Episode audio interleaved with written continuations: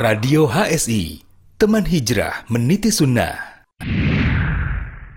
Bismillahirrahmanirrahim. Assalamualaikum warahmatullahi wabarakatuh. Alhamdulillahi wa kafa wassalatu wassalamu ala Mustafa wa ala alihi wa sahbihi wa man wafa. Sahabat Radio HSI, Jumat telah tiba. Hari di mana saat ini adalah waktunya bincang wirausaha. Bersama saya Yoga dari studio Probolinggo dan Timur Jakarta kita akan sharing berbagai macam cerita tentang jatuh bangunnya sebuah usaha, mencari rizki sambil meraih ridho Allah Taala. Hanya di sini di Radio HSI, teman hijrah meniti sunnah. Kembali selama 90 menit ke depan, kita akan bersama di Jumat malam ini dalam live program Bincang Wira Usaha yang kita siarkan secara live melalui website www.radiohsi.com, Facebook, Instagram, Twitter, Twitch TV, serta Pinterest dan LinkedIn Radio HSI. Dan jangan lupa juga like, dan subscribe serta bunyikan tanda lonceng YouTube Radio HSI kita. Anda semua juga kami persilakan untuk mendownload aplikasi Radio HSI di Play Store dengan nama APK Radio HSI atau bisa juga melalui link bit.ly slash android garis datar RHSI. Info, kritik, dan saran bisa menghubungi nomor 0822 1992 205. Sekali lagi, 0822 1992 205. Dan keterangan lebih lengkap silakan kembali akses yang tadi web kita www.radioisi.com. Sahabat, tema bincang wirausaha kita malam ini mengupas tentang suksesi sebuah usaha dengan minimnya modal. Apakah ada? Ada. Karena modal utama sebuah usaha itu bukan hanya uang, tetapi banyak sekali hal lain dan yang paling utama tentu saja doa. Karena di dalam dunia usaha banyak sekali hal-hal tak terduga yang bisa terjadi. Apa saja hal-hal tersebut yang bisa menjadi tips dan motivasi bagi kita untuk bersemangat mengejar kesuksesan dengan ridho Allah. Malam ini kita akan sharing dengan seorang pengusaha yakni Komisaris Utama PT Wilak Cemindo Perkasa, sebuah perusahaan yang bergerak di bidang pertambangan di Indonesia. Bagaimana rahasia beliau hingga menjadi sebesar ini akan kita ungkap bersama. Assalamualaikum warahmatullahi wabarakatuh, Mas Ferdi Wibowo. Bismillahirrahmanirrahim. Waalaikumsalam warahmatullahi wabarakatuh. Masya Allah. Sehat, Mas? Alhamdulillah, sehat. Masya Allah. Keluarga nonton semua ya? Alhamdulillah ada di sekeliling semua. Masya Allah. Itu yang paling utama supaya kita bisa sama-sama uh, memberikan keberkahan juga kepada sahabat Radio ASI dan kita juga sharing motivasi dengan dukungan keluarga. Baik, Alfwan, Ana bacakan dulu ini sekilas kurikulum vitae Mas Ferdi. Boleh ya? ya, kita bacakan nama beliau adalah Ferdi Wibowo, tempat tanggal lahir Jakarta, tanggal 4 bulan November tahun 1979. Pendidikan terakhir beliau. Ketahuan tua itu. Gimana? Kenapa mas? Oh iya, enggak, masih muda. Ini kalau laki-laki usia 40 adalah usia paling ranum mas, Masya Allah. Baik kita lanjut, pendidikan terakhir beliau adalah S1. Kemudian beliau juga salah seorang peserta ASI di Angkatan 191 dan punchline atau uh, kata pamungkas beliau adalah tidak ada yang tidak mungkin bagi Allah dalam berusaha. Kemudian kita bacakan pengalaman singkat beliau 15 tahun di dunia perbankan konvensional dan syariah. Alhamdulillah sudah nggak di sana lagi ya Mas ya. Kemudian alhamdulillah. alhamdulillah. Kemudian 10 tahun di dunia wira swasta jatuh bangun dengan tiga jenis usaha yang berbeda yakni usaha properti dengan aset 150 miliar Masya Allah. Kemudian perhotelan dengan aset 50 miliar dan terakhir yang sedang jalan sampai dengan saat ini pertambangan dengan nilai investasi sampai dengan 10 miliar rupiah. Ini nggak kaleng-kaleng nih mas. Bukan uh. kaleng-kaleng ya, masya Allah. Kita harus bongkar semua dari dari mulai antum di dunia perbankan dan juga di dunia perhotelan dan segala macam kita harus bongkar hingga kita bisa tahu apa saja rahasia dan motivasi bagi para pendengar Radio HWSI di rumah. Baik, Mas Ferdi kita mulai. Kita minta cerita dulu nih. Dari sejak mulai tamat kuliah, apa langsung masuk ke perbankan? Hmm. Semua sih uh, terkoneksi ya. Mulai nah, dari kuliah apa, apa, apa. sampai kerja, sampai sekarang sebenarnya koneksi semuanya. Nah. Kenapa masuk tiba-tiba kok dari apa uh, dari kuliah yang jurusannya itu sebetulnya dunia penerbangan kok bisa lari ke bank? Antum nah, kuliah di apa? Iya, manajemen transportasi penerbangan sebetulnya. Oh, enam enam enam enam. Mana tahu Jakarta ya? Ya betul. Siap, siap, siap, siap. siap. Itu. Benar, benar, benar. Kemudian larinya ke perbankan tuh kenapa tuh? Gak tahu kenapa dulu ketika belum lama kuliah, kok pengen kerja. Dapat tawaran waktu itu ada salah satu perusahaan swasta milik asing yang nawarin pekerjaan itu. Itu kebetulan dari perbankan. Nah, Tapi coba gitu. Nah, terus kayaknya menikmati gitu kan. Nah, terus ketika sebelum lulus pun masuk lagi ke dunia perbankan gitu. Akhirnya terus terusan tuh perbankan perbankan perbankan gitu kan. Sampai yang dari tadinya yang konvensional pernah merasakan juga yang syariah akhirnya baik lagi ke konvensional gitu kan. Uh, alhamdulillah udah udah udah udah rasain sih. Ya jadi memang uh, kalau boleh anak potong Afwan bagi orang-orang yang sejaman kita kalau boleh nggak disebut umurnya yang sejaman kita ya dalam tanda kutip eh, tahun-tahun 2000-an itu mungkin bekerja di perbankan atau bekerja di bank itu sebuah profesi yang sangat bergengsi kali ya.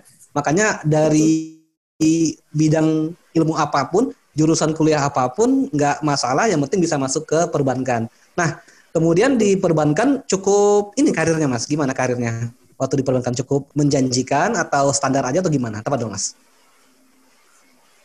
kalau di perbankan sebetulnya gini, waktu itu untuk karir mungkin yang agak lumayan lah. Tapi waktu itu lebih condong gini. Uh, waktu itu punya prinsipnya gini. Uh, kenapa banyak pindah-pindah perbankan? Mm -hmm. Prinsipnya siapa yang berani bayar lebih mahal ya kita mau. Kita pindah, kita ikut. Oh gitu, gitu. Gitu. Jadi maka kenapa ada beberapa kali pindah-pindah. Nah itu sebenarnya sih suatu hal yang nggak baik lah. Karena waktu itu yang dikejar itu cuma materinya aja kan. Karena dari bank satu bank satu ke bank yang lain pasti kan nggak jauh beda sebetulnya. Gitu nah. Jadi kita tahu nih, gitu kan. Kita tahu apa yang mesti kita mesti kita lakuin, kita tahu ilmunya, kita tahu basicnya. Jadi kalau gitu Pak, prinsipnya ya udah yang berani bayar lebih mahal ya kita pindah, kita ikut. Itu aja sih. Dan bidang-bidang antum di perbankan yang tempat antum berbidang itu sama bidangnya? Sama, semua sama. Kebetulan saya waktu itu di bagian kredit bagian dulu orang untuk berutang. Astagfirullah. Mudah-mudahan Allah Mas. Nah, nah, nah. Nanti kita sudah, sudah meninggalkan segala hal, hal tersebut. Uh, jadi yeah. memang ya kalau Ana lihat dari CV-nya bank-banknya cukup keren tanpa kita menyebutkan merek ya memang bank-bank yang yeah. uh, produk luar semua ya Mas Ferdi ya. Alhamdulillah ada lokal, ada luar. Hmm, jadi uh, memang menarik seorang yang memang dianggap berprestasi di bank lain itu adalah dengan menawarkan gaji lebih besar daripada di tempat asalnya seperti itu. Betul, betul. Memang seperti itu dulu seperti itu. Karena waktu untuk bagian yang aku tempatin eh, mainnya di di kredit yang memang besar besar nilainya. Jadi ya kalau sekarang hmm. lihat ke belakang ya kita ngerasa oh, dosanya gede nih gitu kan. Gimana cara nebusnya hmm. gitu. Tapi ketika dulu pindah dari perbankan keluar Eh, keluar dari perbankan itu nggak bukan mikir masalah bukan karena ribanya bukan malah jadi bukan karena itu sebetulnya kita pindah dari perbankan terus kita pindah ke perusahaan apa usaha usaha lain itu kita bukan karena riba malah itu pikiran sih itu sih Oh begitu. Jadi suatu antum di iya. perbankan antum oh Afan, anak pikir karena hijrahnya ke dunia lain bukan karena uh, ininya ya berarti ya, bukan karena uh, hijrahnya sebelumnya. Jadi pada saat antum di perbankan antum tidak setuju dengan orang-orang yang mengatakan riba haram itu nggak setuju dulunya? Dulu setuju iya, tahu gitu, maksud tahu nih, oh iya nih, gitu kan. Kita kita riba nih, gitu kan. Konvensional ataupun yang ibaratnya yang mengatakan dirinya bukan konvensional, ya mungkin nah. gitu kan. Tapi waktu itu pindahnya itu bukan karena itunya sebenarnya yang bikin kita mau pindah gitu kan. Sebenarnya bukan itu dorongannya, dorongannya maksudnya gini. Kok ngapain kita bikin orang lain kaya ya? Gitu. Bikin Apa orang lain kaya ini dalam konteksnya seperti apa tuh mas? mesti gini orang punya usaha dari kecil kita gedein kita kasih utang gitu kan mereka jadi hmm? mereka mereka bisa ngerasain apa nikmat punya usaha yang makin gede gitu kan dari hmm? kita nih yang kita bantuin jadi waktu itu ngeliatnya gini ngapain kita kok mesti bantu orang terus gitu kenapa nggak kita nih yang bikin usaha sendiri kita gedein usaha sendiri gitu kan mau hmm. caranya dari utangan kayak atau cari mau mau dari mana itu nilai uh, nilai duit yang kita mau pakai. Jadi waktu itu prinsipnya itu pengen punya usaha sendiri, ego, ego lah bicara waktu itu ego. Terus setelah itu juga pengen pengen punya usaha deh seperti orang-orang gitu kan. Capek nih kerja kerja kantoran 9 to 5-nya sampai dari jam 8 sampai jam 5 sore dengan rutinitasnya kita ngerasa capek itu sih Oh, masya Allah, masya Allah. Berarti ini segmen antum dulu ketika kerja di bank bukan person ya, tapi perusahaan berarti. Bukan, corporate mainnya. Oh, corporate udah pantas ya, udah gede ya. Dan dari sana antum belajar bagaimana sebuah perusahaan dari kecil bisa menjadi besar seperti itu. Iya. Yeah. Ya, gitu. Dari utang. Gede karena dari utang. Jadi Oman, ketika antum punya cita-cita, Anda juga bisa seperti mereka nih, dari mulai kecil bisa menjadi besar. Yang kepikiran untuk menjadi besar itu juga dengan berhutang. Waktu itu enggak, malah mikirnya waktu itu gimana caranya karena gini mikir waktu itu gini kalau punya usaha tapi uh, berhutang ataupun dari duit dari orang tua atau duit dari siapa itu hal yang biasa tapi kalau mulai usaha tapi kita nggak punya duit nah itu yang luar biasa waktu itu mikirnya gitu sih Oh iya iya iya benar benar benar. Gitu. Jadi istilahnya modal dengkul tapi bisa besar ya. Nah itu dia. Makanya tadi judulnya topik hari ini ngegelitik sih gitu kan. Iya benar benar benar. Kita tinggalkan dulu yang perbankannya ketika antum memutuskan untuk keluar dari perbankan dan memulai usaha itu kita mau bahasnya lagi nih. Ini antum keluar pada tahun berapa, Afwan? Waktu itu keluar di akhir Desember tahun 2012. Itu keluar dari perbankan. Akhir Desember 2012. Betul. Nah, nah, nah. Kemudian sudah kepikiran mau bikin apa? Jadi waktu itu gini, selama mulai dari tahun 2010 kalau nggak salah waktu itu 2010 atau 2011 itu sebetulnya bekerjanya kita udah hmm. udah sempat di dua kaki di perbankan sama di hmm. tempat lain gitu. Nah jadi ketika memutuskan untuk berhenti pun sebetulnya udah dipegangan di tempat lainnya gitu. Oh jadi, begitu. Betul. Jadi eh, ini bukan suatu hal yang bagus sih sebetulnya dan tidak patut untuk ditiru lah. Iya gitu. betul betul sebagai pengalaman kita aja mas ya. Nah, dan mulai bergeraknya pertama kali itu di bidang apa? Di properti mainnya. Langsung di properti ya? Maksudnya properti ini perumahan? Iya, betul itu. Hmm? Jadi antum membuat sebuah usaha developer ya, developer perumahan ya? Iya. Ya, jadi nah, waktu itu kebetulan dan, gitu. Uh, jadi gini, waktu itu gini, uh, sebelum uh, mulai diri dengan sendiri, waktu itu pengen maksudnya gini, coba deh nih kita tutoring sebenarnya gitu. Pengen tutoring nih sama orang yang emang muda maksudnya expert di bidangnya. Gitu. Jadi gimana caranya? Yaudah nih kita lihat cara kerjanya kita lihat mainannya seperti apa sih segala macamnya. Jadi waktu itu berarti kayak kita cari guru deh gitu kan. Sebanyak banyaknya di luar. Hmm. jadi waktu sambil tetap antum juga uh, masih kerja ya? Ya nah makanya waktu itu pas ngerasa ngeliat oh kayaknya udah oke okay nih gitu kan ya akhirnya itu di 2012 ya udah coba deh gitu kan nah tapi masih ikut sama yang waktu itu yang kita uh, orang yang kita ngerasa oh kayaknya ini bisa kita dapat ilmunya gitu loh gitu Nah, butuh berapa lama proses untuk belajar tentang dunia properti itu sambil menjalani profesi sebagai bankir, Mas?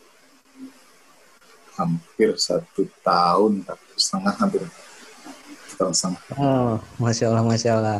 Baik, kita masuk ke segmen berikutnya nih. Kita bahas tentang usaha properti antum yang sempat digeluti selama lebih kurang satu atau dua tahun ya. Iya. Yeah. Baik, baik, siap-siap. Mas Ferdi, kita akan bahas kembali nantinya di segmen kedua, tapi sebelum itu kita saksikan dulu jeda iklan berikut ini. Radio HSI bersama melawan COVID-19. Sahabat Radio HSI, musim pandemi masih berlangsung di negara kita. Tingkatkan iman dan takwa kita. Semoga Allah Subhanahu wa taala mengangkat musibah ini. Mari bersama kita secara disiplin terapkan adaptasi kebiasaan baru sebagai wujud kontribusi kita di dalam memutus rantai penularannya. Berikut kebiasaan baru yang harus kita terapkan. Satu, pakai masker. Dua, sering cuci tangan dengan sabun dan air mengalir. Tiga, jaga jarak 1-2 meter. 4. Perbanyak asupan gizi dan vitamin untuk tubuh kita. 5. Hindari bepergian tanpa keperluan yang penting atau mendesak. Sahabat Radio HSI, mari bersama-sama kita hentikan penularan COVID-19. Radio HSI, teman hijrah meniti sunnah. Sahabat Radio HSI, untuk menjadikan weekend Anda lebih bermanfaat, akan hadir menemani Anda dengan berbagai program menarik berikut ini. Setiap Jumat dengan program Bincang Wira Usaha. Melaporkan secara tetap begitu ya. Konteksnya lebih luas lagi dua sama ya. Iya benar. Jadi ini baru dua cabang, kemudian tidak akan berencana buka lagi mungkin. Fokus dulu pada dua ini ya. Ya sampai kondisi juga ya mas sekarang benar, benar. masih setiap Sabtu dengan program bincang kesehatan. Nggak mau belajar gitu. Kita kalau nggak mau belajar jadi terus saja kita akan takut terus itu eh, apa namanya? Ya lebih baik kita mempelajari sehingga kita tahu langkah-langkah apa yang harus kita lakukan untuk mengatasi kolesterol ini gitu mas. Dan setiap ahad dengan program bincang motivasi hijrah tidak memundurkan antum atau tidak mematahkan semangat antum untuk tetap jadi peserta ya Pak? Alhamdulillah enggak ya karena ini se sebenarnya mimpi anak dari dulu gitu. Dulu ketika mulai ngaji, eh, mulai ikut-ikut kajian yang lebih intens. Ingat, pukul 20 hingga 21 lebih 30 menit waktu Indonesia bagian Barat. Jangan lewatkan kisah-kisah menarik, menginspirasi, dan bermanfaat. Anda juga bisa berinteraksi langsung dengan para narasumber melalui line interaktif di 0811 37074.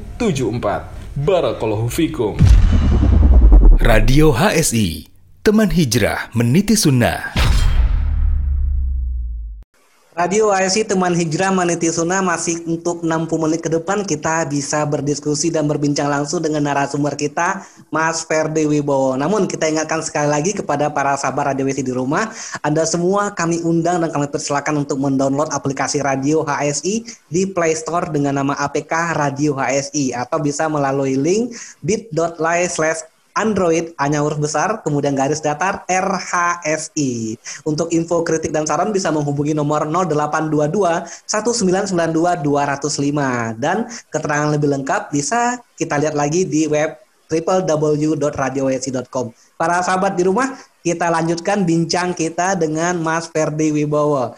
Mas Ferdi, Antum membuka usaha kembali tadinya tahun 2012 ya, Afwan? Ya. 2012 ya, Mas? 2012 itu, iya, itu sebenarnya uh, ya tadi bagaimana caranya kita dapetin ilmu gitu kan? Terus dapat guru juga dapat guidance untuk usaha yang mau kita jalanin gitu kan? Gitu. Nah, nah itu di terbukti nggak uh, cita-cita antum dengan modal dengkul Afwan istilahnya bisa membuat usaha yang besar di usaha properti ini? Sebenarnya terbukti. Bagaimana tuh mas kisah uh, suksesnya? Apa? Karena setelah tahun 2012 itu tahun 2013, 2014 sampai tahun 2016 itu sempat masuk ke dunia properti lain. Dan itu benar-benar dapatnya tanpa modal ibaratnya kayak keberuntungan aja gitu maksudnya tiba-tiba. Bisa dapat dan bisa ketemu orangnya bisa bisa ngebangun sesuatu hal yang cukup besar nominalnya yang nggak pernah dipikirkan terus ibaratnya kok bisa ada, bisa punya ini bisa punya itu proyeknya kita bicara proyeknya nih bukan bukan kita punya barang tapi kita bicara oh kita bisa bangun proyek ini kita bisa bangun proyek itu. Gitu. Dan itu suatu hal yang nggak disangka-sangka sebetulnya. Gitu. Gitu sih. Nah dan itu dengan tips atau cara seperti apa itu mas? Ya itu tadi duitnya caranya dari orang punya orang yang punya duit atau duit dari teman-teman nih. Sampai sekarang pun sama nih. Uh. gitu kan? Yang uh. sampai usaha yang sekarang pun sama. Itu masih terapin seperti itu gitu jadi seperti syirkah begitu ya? Antum dimodali oleh teman-teman antum dan antum yang menjalankan usahanya. Seperti itu? Ya betul.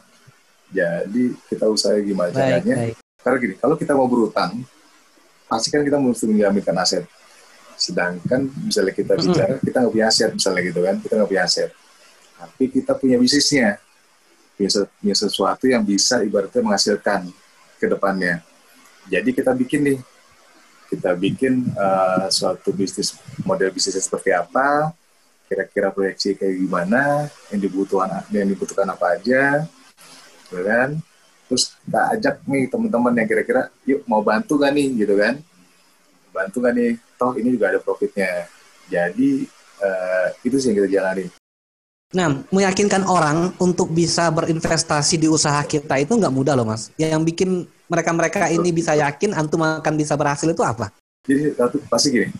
Pertama kita ngobrol sama tahu orang-orang yang deket-deket sama kita, yang tahu track record kita, yang tahu sepak terjang kita tuh kayak apa sih gitu kan.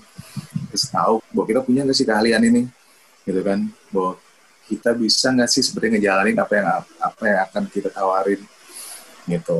Dan setelah itu baru nih setelah kita tahu siapa siapa orangnya bisa kita ajak ngobrol ya kita baru nih kita buka nih ini loh usahanya akan begini gini gini gitu kan kira-kira ini loh itu hmm. dengan kasarnya nih proyeksi kayak gini nih gitu kan terus kira-kira ini nih profit keuntungan yang akan dapat gitu kan dan kita juga kasih tahu biasa hmm. gini dalam bisnis itu pilihannya cuma kalau nggak untung rugi ya draw gitu dan tapi kita pengen paling nggak untung dong nggak mau rugi Nah, dan mereka-mereka para investor itu juga siap jika sananya antum rugi. Iya, karena gini, kan kita nggak ngasih sesuatu hal jaminan, tapi kita bilang nih, ini bisa dan cukup punya prospek, bisa mendapatkan keuntungan di, di kemudian harinya. Dan memang bukan suatu hal yang ibaratnya tidak bisa diukur. Ini sebenarnya bisa diukur, bisa dihitung. Cuma tinggal caranya nanti kita meminimalisir risiko-risiko di depannya itu aja sih. Dan itu untuk menjelaskan semua kepada para investor. Betul. Itu mesti dijabarin nah. semuanya. Baik, antum punya perusahaan ya. developer ini, development director di PT Lifestyle ya, PT Lifestyle ya Mas ya. Ini yang develop yang ya. developer ya. ini ini. Ya, bukan. Nah, itu ya, hanya sampai ya, dengan ya, 2014. Hah? Ya. Apa dong? Itu ya tutoring. Jadi gini, waktu itu kita tutor jadi ini, kita pengen tahu gimana sih itu gitu kan. Itu saya pengen ngambil ilmunya nih pengen ngambil ilmunya hmm. gitu kan setelah saya dapat ilmunya itu hmm. saya bikin lagi nih tempat lain yang di Surabaya yang di Malang nah itu sama tuh properti juga hmm. gitu nah ternyata oh. setelah properti malah pindah lagi sekarang ke pertambangan malah Wah, masya Allah. Ini bakal puncaknya akan kita bahas ini. Jadi, Afwan, Anda ulang lagi. Ketika Antum punya perusahaan lifestyle residensial, residensial, Afwan, lifestyle residensial hingga tahun 2014 itu, kemudian Antum tutup dan beralih kepada PT Prima Multi Gemilang di Surabaya. Ya. ya. Jadi yang eh, di Surabaya itu sampai tahun 2016 itu, setelah kita selesai proyeknya, karena memang proyeknya sudah selesai, tidak lanjut kan mulai proyek yang baru ya sekarang tambangan. Oh oke okay, oke okay, oke okay, oke. Berarti juga yang sama ya mas ya, yang di Jakarta juga seperti itu. Yeah. Antum selesaikan semua satu proyek dalam membangun residensialnya, yeah. kemudian antum selesai, kemudian balik ke Surabaya. Yeah. Dan nggak ada sebuah kerangka gitu untuk membangun proyek lainnya, tapi dalam satu perusahaan yang sama nggak seperti itu. Jadi gini, kalau yang itu selesai karena memang waktu itu yang di Jakarta memang harus diakhiri. Kenapa? Harus mas? diselesaikan. Gitu. Karena udah tidak ada kecocokan. Gitu. Karena Sama tidak ada kecocokan antara. Iya, antara orang-orang dalam ya. Antara organisasi perusahaannya atau dengan para investornya? Enggak, orang-orang di dalamnya. Oh, masya Allah, masya Allah. Dan posisi itu pada saat itu adalah director. Ya, jadi gini, waktu itu posisinya semua karena memang kenal semua mm -mm. gitu. Dan akhirnya Gutsin ada karena sesuatu hal itu yang memang diakhiri. Menarik ini. Sama Jadi, seperti sama sama seperti apa yang terjadi di Surabaya juga. Surabaya seperti itu juga. Yang antum ya. maksud antum mengambil semua pegawai dan karyawan antum adalah orang-orang dekat oh, dan orang-orang yang antum kenal enggak seperti itu? Enggak jadi gini. Enggak. Maksudnya gini. Uh, di pucuk pimpinan itu orang-orang orang-orang dekat orang-orang kenal. Mm -hmm di pucuk pimpinannya. Gitu. Dan yang mereka ya, mereka adalah antum. Semua teman-teman semua kenal. Ya. Dan itu teman-teman semua. Jadi ketika waktu itu mau diselesaikan ya sudah. Kan tidak ada kecocokan ya berarti harus diselesaikan. Gitu. Dan ternyata berulang lagi nih di tahun 2016 itu ini Surabaya juga terjadi uh, sama. Dengan orang yang sama. Enggak, ini orang berbeda. Masya Allah. Baik, Ana menangkapnya ketika antum e, bermasalah dengan para pucuk pimpinan di perusahaan properti tersebut, itu hanya karena permasalahan untung rugi ya. Bukan berarti pada saat itu antum belum kenal ya istilahnya ngaji lah atau e, mulai kenal-kenal sunnah, belum seperti itu ya pada saat di properti. Jadi benar-benar karena untung rugi ya Mas ya. Betul. Jadi kalau tadi pertanyaannya masalah pengajian, masalah kayak ya ibarat tadi bahasanya hijrah ya, itu malah itu karena istri sebetulnya. Kenapa mas? Itu istri. Itu karena istri oh. sebetulnya istri kalau tadi masalah mengenali ngaji pengajian mengenali men lebih mendekatkan diri kepada Allah ya itu karena istri kebetulan dan itu baru dan itu tahun-tahun itu tahun-tahun itu belum Masya Allah, Masya Allah. Ada istilah dari orang tua kita, Mas. Kalau namanya uang nggak kenal persaudaraan katanya. ya benar-benar memang kalau kita mau sejalan dan mau berusaha dengan tahu rulesnya, tahu haram haramnya itu memang sama-sama dengan orang-orang yang bisa-bisa kenal agama. Baik, oke, okay. kita sampai pada antum meninggalkan dua perusahaan properti tersebut. Nah, itu bisa kita katakan merugi nggak pada saat itu? Kalau dibilang rugi pasti rugi, tapi hmm. banyak pelajaran yang diambil dari situ. Pelajaran berharga. Ya, gini, ya kita kalau misalnya kita berusaha sendiri pasti ya sekolahnya pasti mahal. Dan ini mahal betul, banget betul. Gitu banyak yang dikorbankan, banyak yang waktu terbuang. Tapi ya mungkin ya Allah negurnya dengan cara itu gitu loh. Maksudnya ya jangan sombong-sombong amat lah jadi orang gitu. Mm-mm. Padahal pada waktu itu antum tidak tidak menerapkan cara berbisnis dengan meminjam uang riba dari bank ya? Waktu itu ada. Oh ada. Kalau yang Surabaya enggak, iya. Kalau yang Surabaya enggak, tapi kalau yang Jakarta ada. Oh, naam, naam, naam.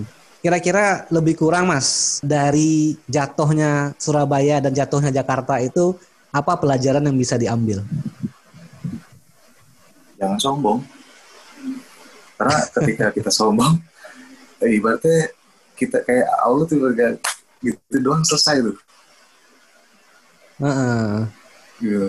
Dengan satu kali satu kali Allah kehendaki seperti itu ya jadi ya Pak ya. Gitu iya cuma jentikan ibaratnya nah, nah. ya mungkin coba coba jentikan jari lah ibaratnya gitu atau mau balikan nah. telapak jari selesai semuanya nah nah nah kemudian sama sekali tidak ada keinginan lagi untuk berlanjutkan usaha itu atau sudah kapok usaha atau gimana setelah itu mas enggak sih tetap tetap maksudnya tetap pengen usaha yang lain tetap pengen ngelakuin yang lainnya juga gitu kan ternyata apa usaha itu sebenarnya punya kepuasan tersendiri gitu sebetulnya.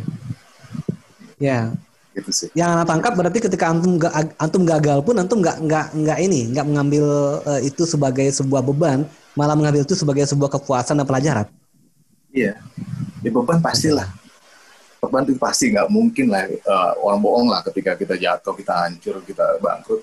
Ketika kita bilang oh itu nggak apa-apa itu biasa itu bohong lah tapi itu beban iya pasti beban gitu kan dan itu uh, sangat-sangat menyakitkan tapi mau nggak mau gimana caranya cari yang lain lagi gitu nggak berhenti sampai sana ya iya nggak berhenti sampai sana. Nah.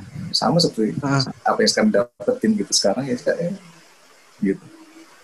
Oke ketika antum uh, gagal dalam organisasi antum di perusahaan tersebut investor bilang apa? Ya semua ngamuk lah. Semua ngamuk. Ngamuk ya? Uh, ya semua ngamuk lah. Pasti ngamuk. Nggak mungkin nggak ada yang ngamuk. Ada yang bilang oh ya nggak udah nggak apa-apa. Oke kita temenan ya. Gitu sampai ketemu lagi besok gitu kan. Nggak ada yang kayak gitu. Gitu. Semua uh -huh. ngamuk lah. Terus pasti kan harus ada yang harus ada yang di yang bertanggung jawab gitu kan nah -huh. bertanggung jawab itu sejauh mana gitu kan pertanggung jawabannya siapa yang uh, peruntukannya gimana pertanggung jawabannya seperti apa itu ada semuanya dan yang dipersalahkan itu antum. ya ada, ada. Mas Ferdi banyak nahannya kayaknya, kayaknya kan masa lalu yang kelam sekali ini sepertinya ya. Iya. Baik.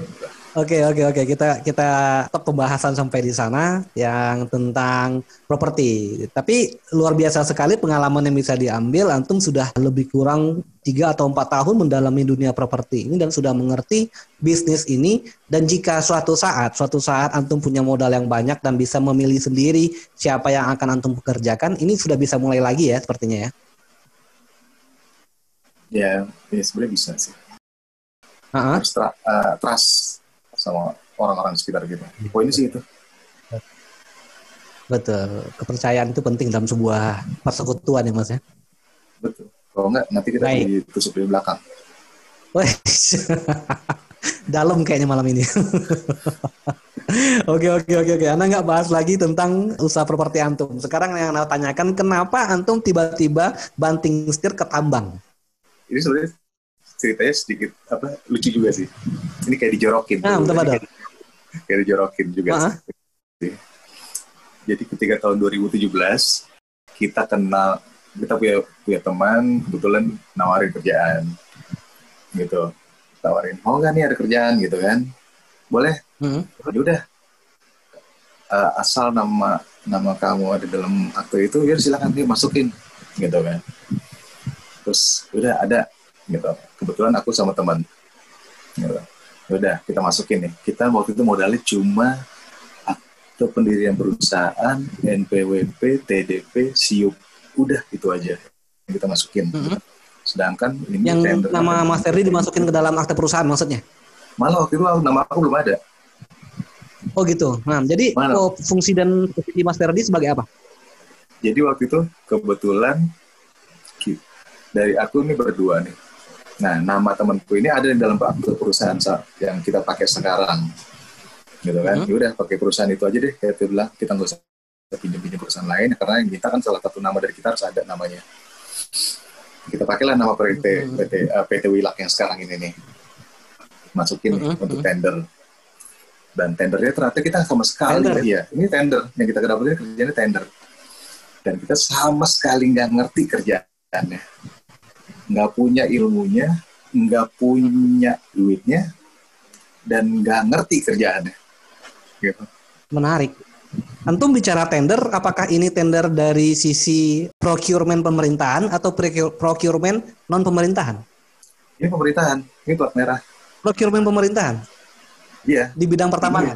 Wah menarik nih, iya. menarik. Anda bukan orang yang asing dalam hal itu mas. Kalau Abuan. Jadi ketika antum ikut tender, di procurement pemerintahan ya. Nah, biasanya nih dan itu sudah baku itu Afan tahun berapa Mas ya? Itu tahun 2017. Tahun 2017. Ya. Afan, bakunya ketika sebuah tender di ditayangkan itu minimal ada persyaratan persyaratan khusus Betul. yang mensyaratkan adanya pengalaman. Betul dan juga minimal ada persyaratan seperti laporan keuangan. Nah, kalau misalkan antum perusahaan baru, gimana caranya meyakinkan panitia seleksinya atau kelompok kerja pemilihannya bahwa antum pantas untuk dipilih. Tahu Mas Ferdi? Jadi gini, perusahaan ini sebetulnya nggak baru. Perusahaan ini tahun 2016 sudah berbentuk. Dan dari 2016 itu sudah ada beberapa aktivitas, tapi memang yang ternyata aktivitasnya itu nggak nggak berjalan dengan lancar. Gitu. Jadi udah ada perusahaan ini sudah terbentuk, orang-orang apa duit di dalamnya udah ada duit perputaran duitnya sudah ada gitu kan. Nah ketika kita mau tender itu ternyata diperbolehkan nih kita untuk berkonsorsium oleh orang yang punya oh konsorsium. nah, nah, betul. Betul. Orang yang sudah orang sudah ahli dalam dalam bidangnya orang yang mempunyai izinnya betul. gitu kan. Dan kita di situ sebagai leadnya perusahaan wilak ini gitu. Jadi eh, makanya kenapa sempat tadi disinggung kan kalau udah Allah ketetapannya Allah kalau udah kalau udah ketetapannya Allah pasti nggak ada yang bisa ganti gitu kan? Karena dari seluruh perusahaan yang ikut tender ini sekitar hampir 16 perusahaan kita lah satu-satunya perusahaan yang sama sekali nggak ngerti. Yang lain itu perusahaan paham ngerti semuanya. Gitu dan biasanya kan kalau dalam sebuah tender itu disyaratkan adanya metode pelaksanaan pekerjaan. Nah, itu antum meng-hire seseorang untuk membuat itu?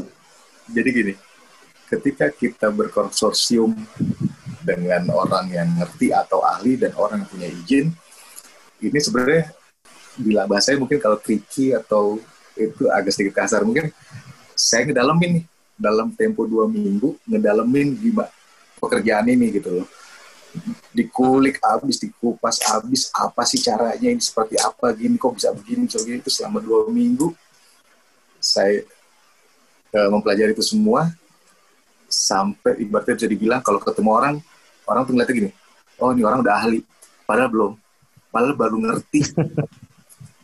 Gitu. Nah benar benar dan, dan yang metode pelaksanaannya antum bikin sendiri? Iya. Jadi Masya Allah, dua, semua segala macamnya itu kita bikin sendiri dua pekan untuk mempelajari tentang bidang pertambangan dan antum bisa bikin sendiri metode pertambangan metode pelaksanaannya ya. Iya ya karena memang maksudnya gitu waktu itu di proses tender cepat gitu kan.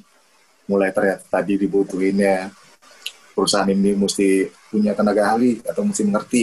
Betul betul. Hmm. kita konsorsium sama yang ngerti. Setelah itu ternyata perusahaan ini mesti ada izinnya. Kita konsorsium yang punya izin ini perusahaan mesti PKP kita bikin PKP jadi dari sekian Masya banyak semua persyaratan yang dalam tender itu kok ini kok kita bisa nutupin semuanya sampai akhirnya bisa menang di ujungnya itu semua orang nggak ada yang nyangka gitu loh.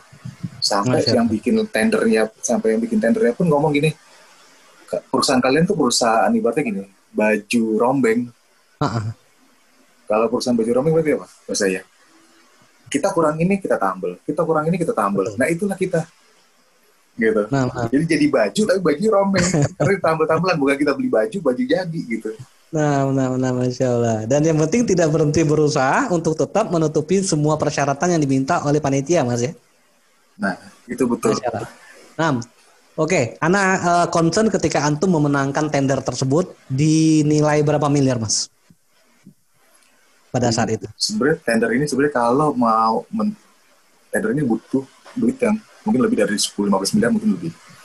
Karena tender ini mesti mm -hmm. kita mesti punya kapal Terus setelah Betul. itu kita mesti bikin working space di lokasi kita yang kita akan kerja. Sedangkan lokasi yang yang mau kita kerja itu bentuknya masih bentuknya kasar deh ibaratnya itu masih bentuknya hmm. pohon-pohon besar enggak terus kita mesti pemerataan semua segala macam jadi pasti butuh investasi yang gila-gilaan.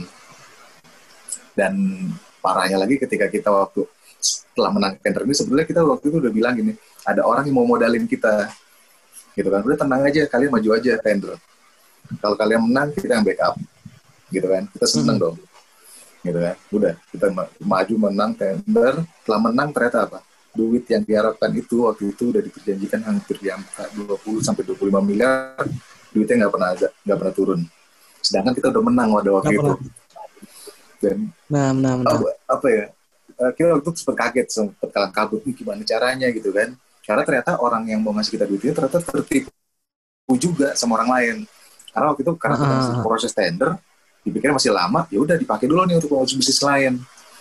Gitu kan ketika uh, kita menang diputar ya? iya diputar dulu di lain. Ketika kita menang ternyata duitnya ini ditipu dia nih. Ya udah kita yang kalang kabut waktu itu survive-nya gimana mas? Gak mungkin dong nunggu uang muka dari Gak si ada. pemilik tender. Pemilik tender yang ngeluarin uang muka. Survive-nya gimana?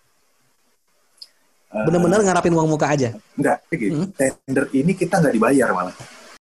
Ini ada suatu pembangkit listrik tenaga air, di mana dibangun udah dari zamannya Pak Soeharto, Presiden Soeharto. Nah, hmm. nah ini udah, udah berarti udah ada dari tahun 80-an dan udah terjadi sedimentasi. Dan itu sedimentasinya itu sekitar hampir mencakup 70% dari lokasi tersebut. Nah, pemerintah nih gimana caranya ini bisa bikin normalisasi lagi kan. Nah, dibukalah tender untuk normalisasi waduk tersebut. Tapi karena dalam waduk tersebut ada nilai ekonomisnya, yaitu isinya kan yang masuk ke situ air, lumpur, pasir, sama sampah. Nah, yang punya nilai ekonomis itu pasir, pasti nomor satu. Kedua, lumpur lah, tapi itu kita nggak bisa kita apa hitung. Jadi waktu itu mereka bilang silakan sedot isinya, normalisasi isi waduk tersebut, apa pun hasilnya, silakan boleh kita jual. gitu. Hmm, nah, hmm, hmm, kita berharap waktu itu, wah pasirnya bagus nih, gitu kan. Jadi malah kita diharuskan berbagi hasil waktu itu malahan. Sama dengan uh, pemerintah. Iya. Gitu. Dan Jadi, dan akhirnya, akhirnya antum nggak dibayar dari itu. Iya, malah kita waktu memberikan jaminan pelaksanaan malah.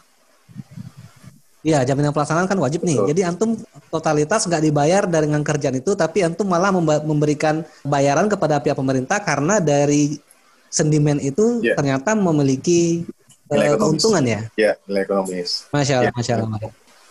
Masya Allah, masya Allah. Dan sampai dengan selesai tidak ada kendala apa pun terhadap pekerjaan tersebut ya. Banyak. Banyak ya. Apa tuh mas contohnya mas? Apa dong? Ini kerjaannya belum selesai loh. Ini kerjaannya kita. Uh, oh sampai sekarang belum selesai? Belum. Kontrak itu tak kontrak itu selama 10 tahun soalnya sampai tahun 2028. Oh multi years ya? Iya. Kontraknya sampai tahun 2028 nah, dan ini nggak selesai-selesai masalahnya. Banyak ternyata nilai ekonomis yang kita harapkan tertinggi pasir itu harganya nggak sebanding dengan ongkos produksi kita. Masya Allah, Masya Allah, Masya Allah. Namun tetap ada keuntungan di sana ya? Uh, bisa dibilang malah dikit lah. Sedikit, tapi ada lah ya. Enam enam. Yang intinya sama sekali nggak nombokin lah ya. Bukan berarti nombokin. Karena bagaimanapun eh, dengan aset 50 miliar yang sudah dipegang oleh PT Wilak Cemindo Perkasa saat ini itu sudah luar biasa sekali ya Mas ya. Gedenya tiba-tiba gitu. Nah iya, karena itu perusahaan ini kan dari 2016. 2016 itu udah mulai waktu itu udah bikin pembebasin untuk lokasi pabrik semen. Mm-hmm. Jadi besarnya itu mm. asetnya itu karena udah dari 2016 sudah udah merintis gitu mm-hmm. pembebasan pembebasan lahan, pembukaan lahan untuk pabrik gitu. Terus tambah lagi ini. Gitu. Oke, okay. tadi antum uh, mention bahwasannya antum diajak oleh teman antum untuk ikut gabung di perusahaan tersebut. Nah, prosesnya gimana? Kok tiba-tiba antum selanjutnya bisa menjadi presiden komisioner dan shareholder dari PT Wilak Cemindo Perkasa tersebut, Mas? Karena itu karena kita gini, karena kita menangi proyeknya. Kita menangi proyeknya, nah baru kita deal-dealan. Oh gitu. Iyalah. Ah. Jadi biar gini, biar ada rasa rasa oh. memiliki gitu loh. Jadi memang ada kesepakatan sebelumnya ketika ini proyeknya kita dapat, antum akan mengerjakan dengan syarat antum menjadi presiden komisionernya dari PT tersebut. Nah itu malah kalau itu malah enggak. Jadi gini, ketika ini kita kerjain tendernya, saya nggak pernah berpikiran nih sama mm-hmm. teman. Nanti gue minta begini ya, mintanya begini ya, minta jadi ini, minta ini, minta minta minta saham segini, nggak pernah minta, nggak pernah ada omongan. Nggak pernah ada omongan yang waktu itu hmm. prosesnya pokoknya mikirnya gini gimana caranya menangin tender ini dapetin kerjaannya kerjaan kerjaannya gitu kan. Karena waktu itu trust ya sama temen. Bah percaya aja waktu gini kalaupun udah dapet tender ini masa iya sih gitu kan. Temen seorang teman bakal bakal gitu kan ngilangin ngilangin apa ngilangin andilnya gitu kan. Gitu. Hmm. ternyata itu kebukti di belakang. Uh, sampai dia sendiri bilang kan saya uh, lu kan juga pernah nih nggak pernah minta ini nggak pernah minta itu ya. Ya udah konsen aja gitu kan. Konsen konsen dapetin kerjaannya konsen kerja kerjaannya gitu kan. Dan itu akhirnya ya udah bisa dapat karena ya kerelaan mereka sendiri juga oh masya allah masya allah berarti memang kerja keras dan sekali lagi sebagaimana antum sampaikan tadi trust memang kunci yang paling inti mas ya betul Mas. Baik, baik, baik. Mas Ferdi, kita masih punya 30 menit ke depan. Sudah ada beberapa pertanyaan yang ya. masuk ke ruang redaksi Radio ASI. Kita akan bacakan satu persatu ya. nantinya. Namun sebelumnya kita saksikan dulu jeda iklan berikut ini. Radio HSI bersama melawan COVID-19. Sahabat Radio HSI, musim pandemi masih berlangsung di negara kita. Tingkatkan iman dan takwa kita. Semoga Allah Subhanahu wa taala mengangkat musibah ini Mari bersama kita secara disiplin terapkan adaptasi kebiasaan baru sebagai wujud kontribusi kita di dalam memutus rantai penularannya. Berikut kebiasaan baru yang harus kita terapkan. Satu, pakai masker. Dua, sering cuci tangan dengan sabun dan air mengalir. Tiga, jaga jarak 1-2 meter. Empat, perbanyak asupan gizi dan vitamin untuk tubuh kita. Lima, Hindari bepergian tanpa keperluan yang penting atau mendesak. Sahabat Radio HSI, mari bersama-sama kita hentikan penularan COVID-19. Radio HSI, teman hijrah meniti sunnah. Sahabat Radio HSI, untuk menjadikan weekend Anda lebih bermanfaat, akan hadir menemani Anda dengan berbagai program menarik berikut ini. Setiap Jumat dengan program Bincang Wira Usaha. Melaporkan secara tetap begitu ya. Konteksnya lebih luas lagi dua sama ya. Iya benar. Jadi ini baru dua cabang, kemudian tidak akan berencana buka lagi mungkin mas. Fokus dulu pada dua ini ya. Ya sampai kondisi juga ya mas sekarang benar, benar. masih.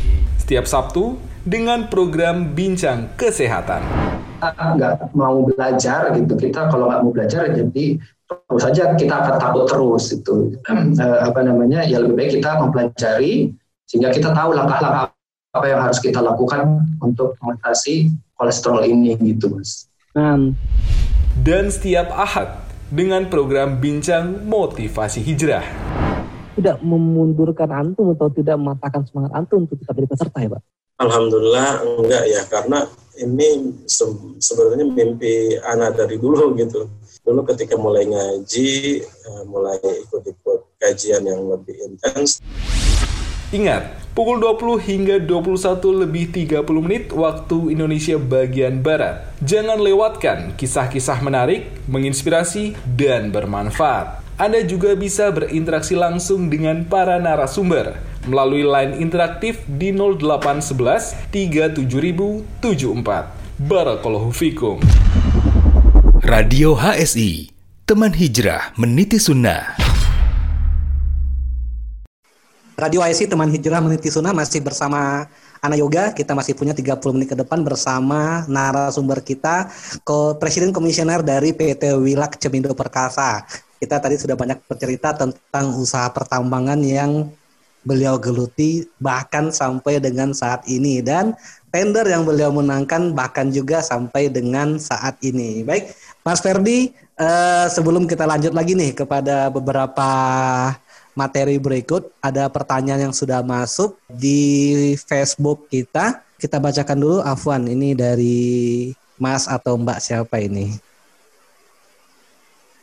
Baik, kita bacakan. Assalamualaikum, waalaikumsalam warahmatullahi wabarakatuh. Lebih lebih mudah mana, bisnis, properti atau pertambangan? Apa kekurangan dan kelebihan dari masing-masing bisnis tersebut? Tafadol, Mas Ferdi. Ya, mungkin kita nggak bisa bandingin apple to apple. Karena dua, dua, dua hal ini dua hal yang berbeda yang pasti sih dua-duanya butuh duit yang gede duit yang besar modalnya terus setelah itu yang satu mainannya di darat yang satu mainannya di air jadi beda nih beda resikonya beda cara ngakalinnya gitu kan tapi, tapi yang pasti dua-duanya butuh duit yang cukup besar gitu sih dan kalau, kalau dibilang enak dua-duanya enak kalau antum boleh milih kalau boleh milih ditambang di tambang. Afwan, yeah. kita kesampingkan dulu dengan permasalahan yang pernah antum hadapi. Tetap antum pilih tambang. Betul. Karena, Karena lebih cepat prosesnya. Proses perguliran uh, untung ruginya, maksudnya neracanya lebih cepat berputar. Iya. Modalnya sama-sama besar, tapi hmm. tempo untuk mendapatkan keuntungan, terus kita tahu ini bisa jalan atau enggak, itu lebih cepat gitu jadi nggak nunggu lama jadi ini barang ini nggak nggak kalau properti kan maksudnya ini bisa bertahun-tahun kita dagang hmm. kalau ini, ini orang baik butuh gitu jadi cepet hmm, masya allah masya allah memang beda segmentasi dan beda untung ruginya juga ya betul Baik, selanjutnya pertanyaan yang masuk ke WA 0811 37074 dari Mbak Nur. Pertanyaannya, tips dalam mencari partner bisnis lebih baik dari teman-teman dekat atau dengan orang-orang yang baru kita rekrut? Ini kalau boleh Anda tambahkan, Anda mau nanya nih, ketika Antum milih siapa yang akan Antum jadikan sebagai investor, gimana caranya? Dan ketika Antum memilih siapa yang akan Antum jadikan sebagai teman dalam organisasi perusahaan, gimana caranya? Dulu Mas, untuk dua hal itu? Ya. Jadi gini, kalau untuk cara gimana sih kita cari partner, temen nih, teman kita kerja, biasanya kita udah tahu nih dari teman-teman lama kita misalnya kan teman lama nih kita udah tahu nih oh yang ini cocok nih dia modelnya begini begini begini dia modelnya orangnya oh dia cocok nih kalau ngadepin orang yang ini cocoknya cuma untuk ya paperwork gitu kan atau di admin. Hmm. jadi dari situ kita bisa lihat nih teman-teman kita kalau ketika kita mau bisnis sama mereka kita bisa lihat nih bahwa oh ini kita cocok nih sama ini kita cocok sama si ini gitu kan gitu. Karena ketika saya sekarang saya ber, apa sama temen yang ibaratnya itu usianya lebih tua 15 tahun dari saya gitu. Hmm, yang mengajak Anton di pertambangan ini? Iya. Jadi dia lebih tua 15 tahun gitu kan gitu lebih senior gitu tapi dia butuh saya karena ada sesuatu hal yang dilihat di sayanya saya bisa jalanin ini gitu. gitu. Jadi kita sama-sama saling melengkapi lah gitu. Jadi sebenarnya itu yang kita cari teman yang bisa saling melengkapi nih di dalam kerjaan gitu. Seperti itu sih. Hmm. Kalau boleh anda tahu yang antum jual kepada teman antum tentang diri antum sendiri apa? Kebetulan saya saya nggak ngejual. Kebetulan mereka tahu uh, track record saya. mereka tahu background antum. nah, apa tuh Mar kalau boleh tahu juga? Ya, mereka tahu saya di perbankan sekian sekian sekian tahun lah, sekian lama. Terus mereka hmm. tahu saya pernah ngerjain macam-macam dan kita pernah uh, dan kita maksudnya kita ngumpul bareng nih tahun udah lama nih karena ketika dengan partner saya sekarang uh, saya ngumpul sama orang-orang yang berumur yang lebih tua dibanding, dibandingkan saya. Hmm. gitu. Dan kita cukup lama udah kenal hampir 10 tahun. Dari tahun 2009 2010 lah kita jadi mereka tahu track record saya. Gitu. Dan di dunia ini kecil dunia yang kita uh, gelutin sekarang ini kecil. Ketika kita bikin kesalahan pasti kedengeran semuanya. Betul betul. Gitu. jadi kembali lagi kepada kepercayaan. Itu yang mahal mas ya betul, masya Allah masya Allah Baik, kita ke pertanyaan ketiga sebelum kita lanjut lagi materinya dari Mbak Irvina di layanan interaktif. Ada dua pertanyaan, Mas. Anda bacakan yang pertama dulu. Assalamualaikum warahmatullahi wabarakatuh. Waalaikumsalam warahmatullahi wabarakatuh. Skill apa yang diperlukan sebelum memulai sebuah bisnis pertambangan? Apa udah jawab dulu Mas Ferdi yang pertama skill apa yang diperlukan dalam sebuah bisnis pertambangan. Nggak mungkin dong skill nyangkul-nyangkul atau uh, antum bisa ngalah-ngalahin uh, seorang sarjana pertambangan, malah antum adalah seorang sarjana dari perhubungan. Bisa-bisanya banting ke pertambangan dan memenangkan sebuah project yang cukup besar nilainya. Coba dong skill apa, Mas? Sebenarnya sih gini, yang mesti skillnya satu sih. Karena susah bicara kan waktu itu mulut ini bicara dengan sendiri jadi kita mesti gampang nyerap ilmu nih. Kan kita nggak tahu sama sekali nih kerjaan ini. Kita mesti kita mesti gampang banget nyerap ilmu ini dan kita mesti bisa nih menerangkan seolah-olah bahwa kita ini orang udah berpuluhan tahun udah bercimpung di dunia itu. Jadi mau nggak mau berarti kita mesti apa ya bahasanya? Eh, sedikit sedikit pintar lah. Hmm. gitu, sedikit, orang ya? sedikit pintar setelah itu kita ya, dan kita bisa bisa ngomong. Karena ketika tender ini kita nih diliatin hampir 20 orang, 15 20 orang gitu kan. Dan kita mesti bicara di depan forum itu tersebut, kita bicara nih, ini loh yang bakal kita terapin, ini loh barangnya, ini caranya, ini skemanya, semua segala macam. Dan itu bukan bukan dalam waktu tempo yang singkat. Kita bicara itu bisa lebih dari satu jam, dua jam. Gitu kan, itu berkali-kali gitu mereka minta keyakinan ke kita. Gitu kan. Dan kita mesti bikin slide, bikin semua segala macam. Jadi ya pikir itu tadi lip service kali ya. lip service ya. Nah, oke okay, kita ke pertanyaan kedua juga dari Mbak Irvina tadi. Kemudian dengan kondisi sekarang COVID-19, apakah terpengaruh juga terhadap bisnis pertambangan yang sedang antum geluti sekarang? Kepada Mas Ferdi. Nah, itu pertanyaan bagus banget tuh. Ah. Nggak ada yang nggak kena gitu kan terimbas betul, gitu kan, betul. termasuk kita. Kita juga terkena terimbas juga. Dan alhamdulillah nih udah enam bulan kena imbasnya gitu iya. kan. Dan rasanya berat banget gitu kan. Dan banyak juga kewajiban-kewajiban kita yang yang sedikit apa tertinggal karena kondisi covid ini gitu. Dan sangat-sangat berat. Betul. Betul. Lalu terpengaruh nggak mas yang terhadap yang ini pekerjaan untuk sekarang ini? Sangat sangat sangat terpengaruh. Walaupun opportunity opportunity kita untuk barang ini bisa terjual tetap ada. Tapi nggak seperti tahun lalu. Kalau tahun lalu ibaratnya kita belum ngapa-ngapain aja orang udah orang udah nungguin. Kalau sekarang mesti kerja lebih berat lagi gitu loh untuk bisa bertahan. Nah, pekerja di lapangan termasuk saat dari mulai pekerja buruh dan film manager tetap bekerja di masa COVID-19 ini? Alhamdulillah untuk saat sekarang kita berhentikan dulu sebentar. Memang berhenti total ya? ya. Karena nggak ada pilihan lain ya, nggak mungkin pertambangan via Zoom mungkin ya? Nggak mungkin. baik, baik, baik. Dan ini sampai dengan saat ini masih berhenti, Mas ya? Masih. Jadi terakhir itu visit itu sebelum COVID itu Maret. Mm -hmm. Terus terakhir kita kemarin datang itu di bulan Agustus karena banyak tagihan yang harus kita bayar harus kita selesaikan termasuk dengan tagihan pajak pajak pemerintah daerah gitu kan pemerintah Jawa Timur Jawa Tengah dan uh, teman-teman di lapangan gitu kan ya kita ya kita bicarain semuanya gitu kan kita cari solusinya lah gitu kan gitu dengan dengan teman-teman dan juga dengan pemerintah daerah. Masya Allah, Masya Allah. Baik. Mas Ferdi, sebelum kita lanjut lagi ke pertanyaan-pertanyaan yang masuk ke ruang redaksi, kita ke materi dulu. Nah, Mas Ferdi tadi bilang ada peran istri Mas Ferdi dalam mengenalkan agama, mengenalkan sunnah, sampai dengan Mas Ferdi juga ikut pada pembelajaran di HSI Abdullah Roy. Ceritanya itu gimana nih Mas? Ya, jujur saya kalau bisa dibilang orang agamais enggak. Tiba-tiba langsung, oh iya, ya masih kadang-kadang sholat suka dijama gitu kan, suka terlewat gitu kan. Dan itu dari dulu ya, karena istri yang selalu ngingetin yang hal ngingetin istri yang selalu cerewet nggak ngasih tahu kita gitu jangan begini jangan begitu ngingetin. Terus setelah itu beberapa tahun terakhir uh, istri ngajak kajian semua segala macam terus istri ngajakin ke ikutin pelajaran HSI uh, Abdullah Abdullah Roy gitu kan ya semua karena istri gitu jadi bukan karena murni diri sendiri gitu kan hmm. gitu. mungkin kalau nggak ada istri juga nggak kepikiran tuh pasti gitu. Insya Allah, Masya Allah. Istri Antum sudah duluan ikut ya? Sudah. Wah kalau dia mah lebih hebat dari saya lah udah. Okay. Masya Allah, Masya Allah.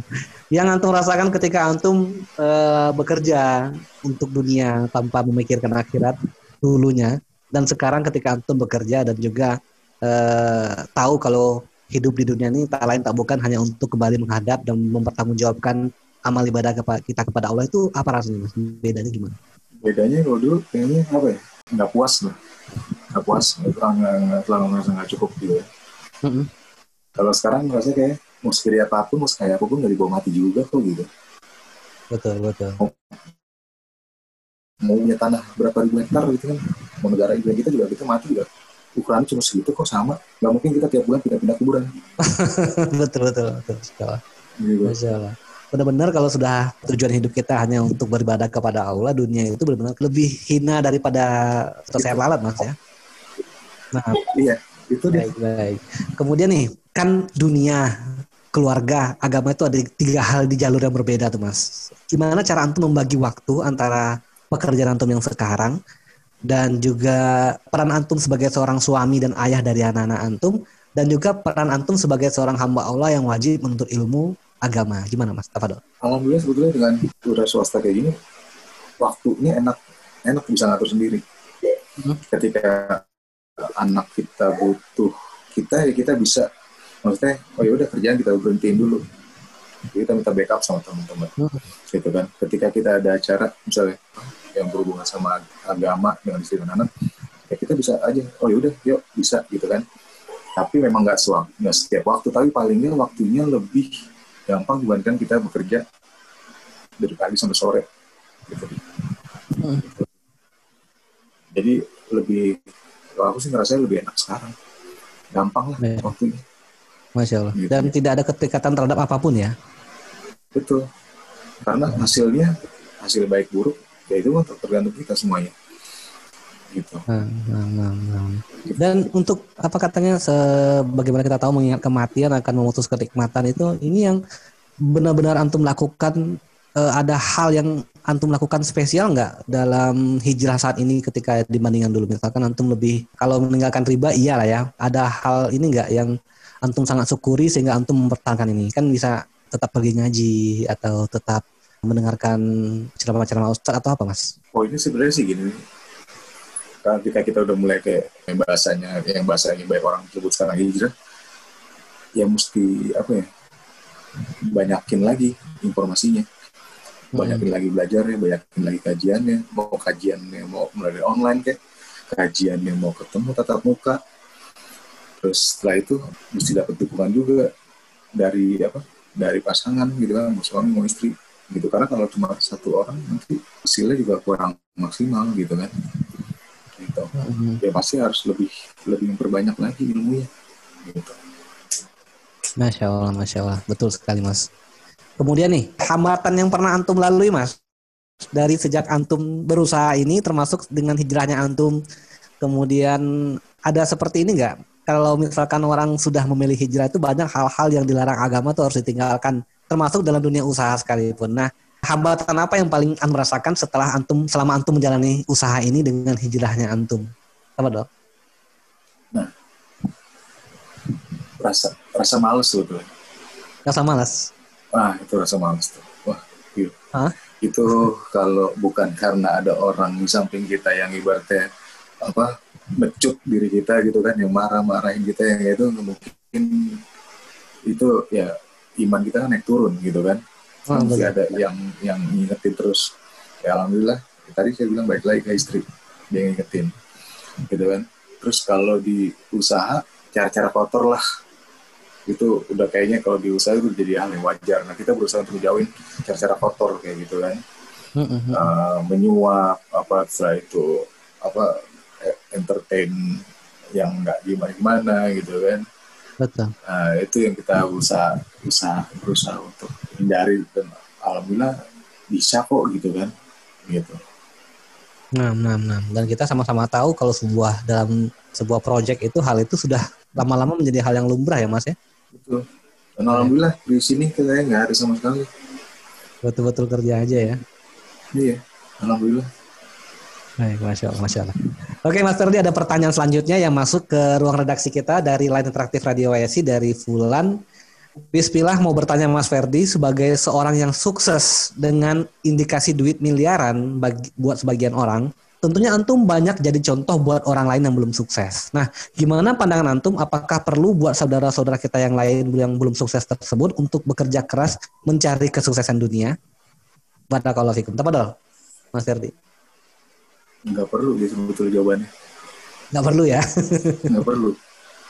Enggak perlu. Kenapa? Karena karena dari awal saya udah bilang ketika saya keluar dari kerja ke wira swasta karena ego gitu.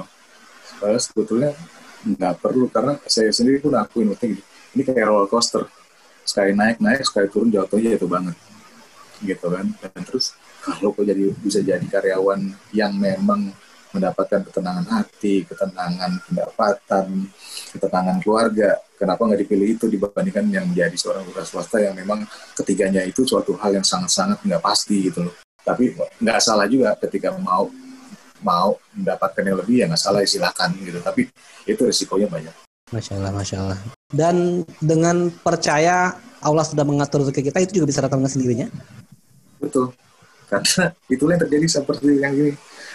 Ini semua kalau bukan karena Allah yang nentuin, nggak mungkin kejadian gitu kan. Karena mulai dari usaha awal sampai sekarang, nggak pernah dipikirkan dan nggak pernah terpikirkan gitu kan.